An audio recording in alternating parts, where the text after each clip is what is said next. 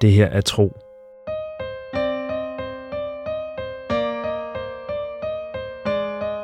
En eventyrlig podcast-fortælling i 55 afsnit.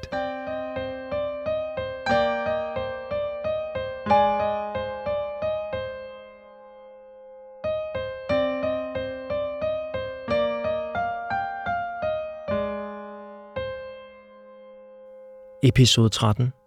En kostbar gave. Bedstefar, det var ham, der overtalte dig til at tage mig med.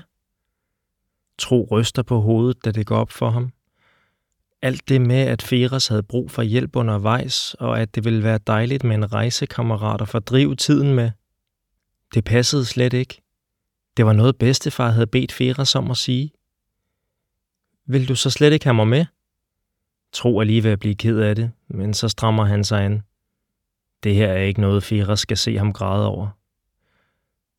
Ikke i starten, nej, indrømmer Firas. Han lægger sin hånd på tro sammen, da han ser det mørke udtryk i slettedrengens ansigt. Men så tænkte jeg nærmere over hans forslag og begyndte at synes godt om ideen. Jeg kunne jo se, hvor godt Baggal kunne lide dig. Og nå ja, jeg synes jo også godt om dig, Tro. Du er lidt indelukket og mut nogle gange, især lige nu. Men i det store og hele er du godt selskab. Tro fjerner sin arm fra Feras. Ak ja, sandheden er ikke altid en velkommen gæst, som de siger på Måneøerne, siger Feras med en skuffet mine. Tro sidder lidt ind til vreden har lagt sig og bliver afløst af et væld af spørgsmål. Hvorfor sagde han det ikke bare, som det var fra begyndelsen? At han ville have mig til at aflevere det dumme hjerte for ham? Hjerte? Feras ser undrende på tro. Den del af historien kender den omrejsende tydeligvis ikke noget til.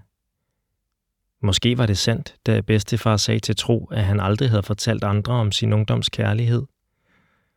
Skovfolkets høvdingedatter Famke, som havde givet ham det sjældne skovhjerte. Jeg mener bare, Tro forsøger at lade som ingenting. Hvorfor sagde han det ikke bare, som det var? Og hvorfor skulle du lade, som om det var din idé at tage mig med? Tro kigger forurettet på Firas, som slår blikket ned. Han troede vel bare, at du ikke ville drage afsted, hvis det var hans forslag. Af en eller anden grund har din bedstefar fået det indtryk, at du kan være lidt egenrådig nogle gange. Stedig vil nogen måske kalde dig. Ikke mig, skynder Feras sig til tilføje. I hvert fald bad han mig om ikke at sige, at det var noget, han havde fundet på. Så det lød jeg værd med at gøre. Jeg beklager, hvis du blev ked af det. Det var ikke min mening. De er tavse en tid. Kun lyden af baggal, der hiver totter af græs op og gumler dem i sig, når deres ører. Så siger Feras, vil du stadig med, eller vil du hellere hjem igen? Tro tænker sig om. Han vil gerne marchere tilbage til landsbyen og fortælle sin bedstefar nøjagtigt, hvad han mener om den måde at narre andre folk på.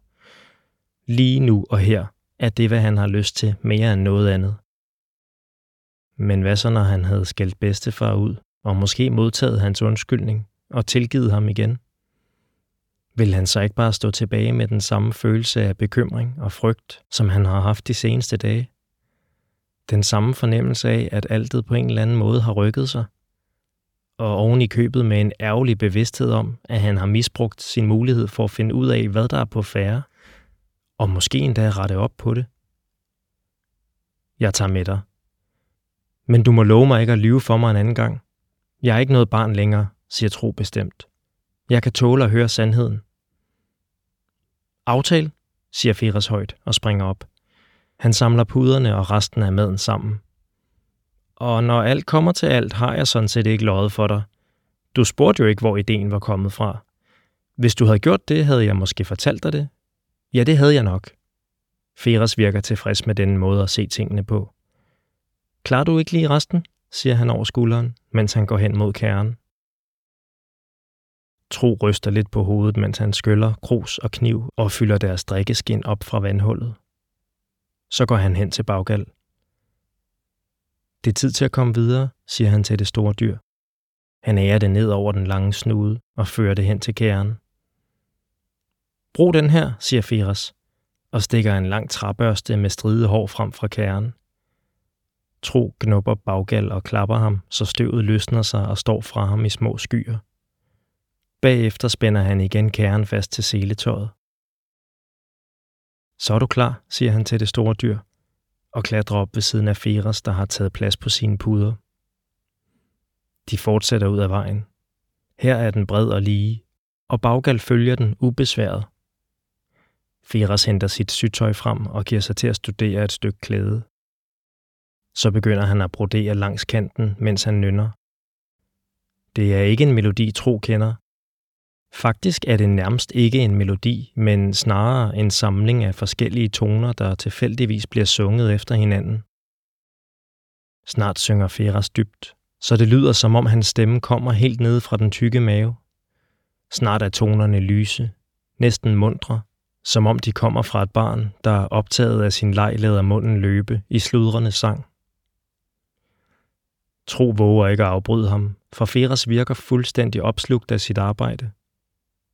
Først da den omrejsende efter et stykke tid sukker tilfreds og lægger klædet i skødet, er det som om han er til stede på bænken i kæren igen. Hvad arbejder du på? spørger Tro. Det er et tæppe til småbørn, siger Feras strømmende. Så kigger han skabt på Tro. Nu skal du ikke tro, at jeg er blevet sådan en sentimental gammel mand, der drømmer om børnebørn. Det er et tæppe, jeg vil sælge, når vi når frem til Milanes horn, siger han. Og din sang? Hvad gør den? Jeg synger besværgelser ind i stoffet. Et barn, der bliver svøbt i dette tæppe, vil ikke få problemer med maven, siger Firas tilfreds. Tro kommer til at tænke på Vias lillebror, Si, der græd hele sin første vinter. Ja, faktisk skreg han i vildens sky, hver gang man så ham. Og selv om natten kunne man høre ham græde og skrige. Det var problemer med maven, havde Vias mor sagt, og så gik hun ellers rundt med ham på skulderen og klappede ham på ryggen. Og når det ikke var hende, var det Vias far, man så traske rundt med den lille bylt.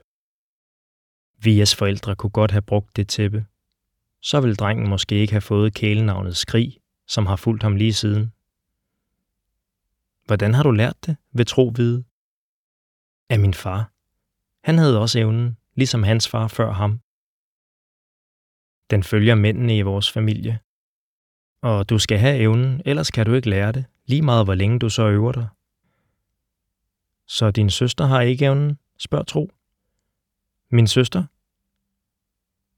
Feras har til synlædende tabt interessen for deres samtale og kigger sin ruller af tråd igennem. Hvor er nu den rubinrøde? Ja, din søster, Tina Dora fra Nørrehavn, hende med de mange børn, siger Tro tålmodigt. Feras bliver nærværende igen. Åh oh ja, min søde søster Tina Dora, som hver dag må gå så grueligt meget igennem for at sikre sig godt et liv som muligt for de fem børn. Især den yngste, Melaska, har det svært. Vil du tro, hun er smuk som en sommereng og blid som støvregnen, men skæbneguden har gjort hende både blind, døv og stum fra fødslen. Så hun lever et liv i fuldkommen mørke og stillhed. Smags- og lugtesansen kan man dog ikke tage fra hende, og ingen bærer en nødekage så saftig og sprød som hende. Men hvorfor spørger du til hende? Tina Dora, siger Tro. Hun har ikke evnen. Desværre nej. Den kunne ellers have hjulpet hende mod de pinsler, livet byder hende. Men hun har en særlig evne til at få børn, det må man give hende. Aha! Feras holder triumferende en rød rulletråd op. Der var du. I et snuptag får han trådet nålen og fortsætter sit arbejde. Tro kigger ud over landskabet. Så langt i denne retning har han aldrig før været. Endnu ligner landskabet dog det, han kender hjemmefra. Rødbrun jord, flade klipper, tørt græs, vinterurt og lyng. Lave, tornede buskager og krat, og enkelte steder små klynger af huletræer eller lave bakker, der bryder horisonten. Han kigger bagud, men der er for langt til, at han kan se landsbyen. Han kan dog regne ud, i hvilken retning den må ligge. Folk må være ved at gøre dagens arbejde færdigt nu. Om ikke så længe vil far, mor og bedstefar spise sammen. Der vil være en tom plads om bordet, der hvor han plejer at sidde. Må de vil savne ham? Det er nok for tidligt. Der er jo ikke engang gået en dag, siden han sagde farvel til dem. Men de vil snakke om ham og være enige om, at det er mærkeligt, at han ikke er hos dem. Jord, klipper, krat og lyng. Det samme landskab, som han kender. Og ligesom ved Tros landsby, helt øde. Ikke en fugl på himlen. Ikke en nøgle på de varme klipper. Ikke en slange i de tørre buske. Endnu en gang mærker han bekymringen. Hvor er alle de vilde dyr? Og samtidig en underlig form for lettelse. Det er ikke kun hjemme ved dem, der er noget galt. Problemet er større end som så. Feras fortsætter syngende sit arbejde, indtil han bliver afbrudt af en rumlen for maven. Det er tid til at gøre holdt og slå lejr, siger den omrejsende. Han ser sig omkring. Så lyser han op i et smil. Derhen, er stedbaggal. Langnæsen styrer mod endnu en lille klynge af huletræer, i det den instinktivt ved, at hvor der er træer, må der også være vand. Ganske rigtigt finder de, da de kommer til stedet, et lille vandhul omkranset af stjernebobler. Ikke nær så stort som det, de tidligere på dagen gjorde holdt ved, men stort nok til, at baggal kan drikke. Og der er også græs og urter nok til, at den kan spise sig mæt. Vi kan sove i kæren, siger Firas, og breder sit soveleje ud. Der er plads nok til, at Tro kan lægge sin skin og sit tæppe ud ved siden af. Nu kan han godt mærke, at han ikke har spist meget i løbet af dagen. Han får spændt kæren fra og finder branden. Firas har et fyrtøj, så de får hurtigt gang i et bål. Tro henter sin oppakning. Han har lovet Feras varm grød med honning og tørret sødbær, en ret han har kunnet tilberede lige så længe han kan huske tilbage.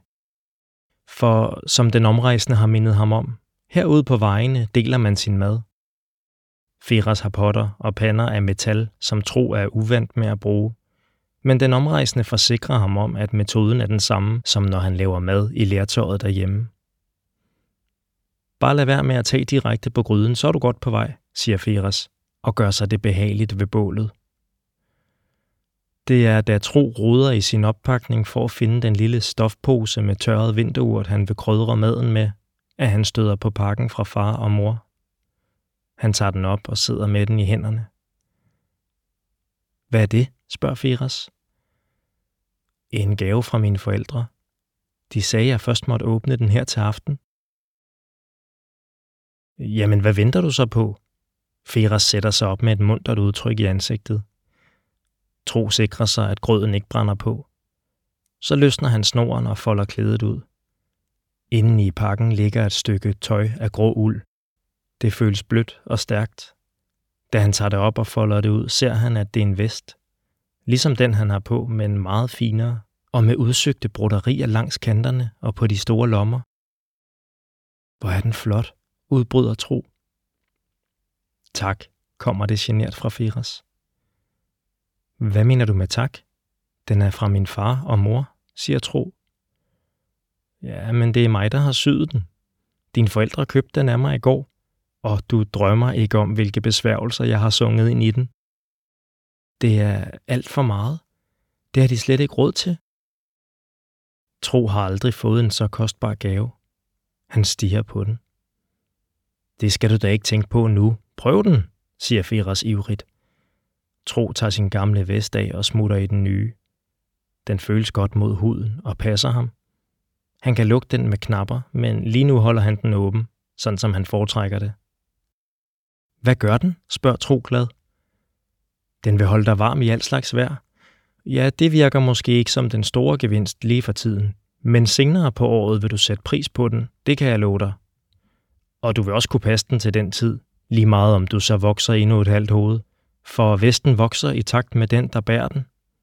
Bliver du større, gør den det samme. Og så har jeg slet ikke nævnt det mest utrolige. Prøv at stikke hånden i lommen.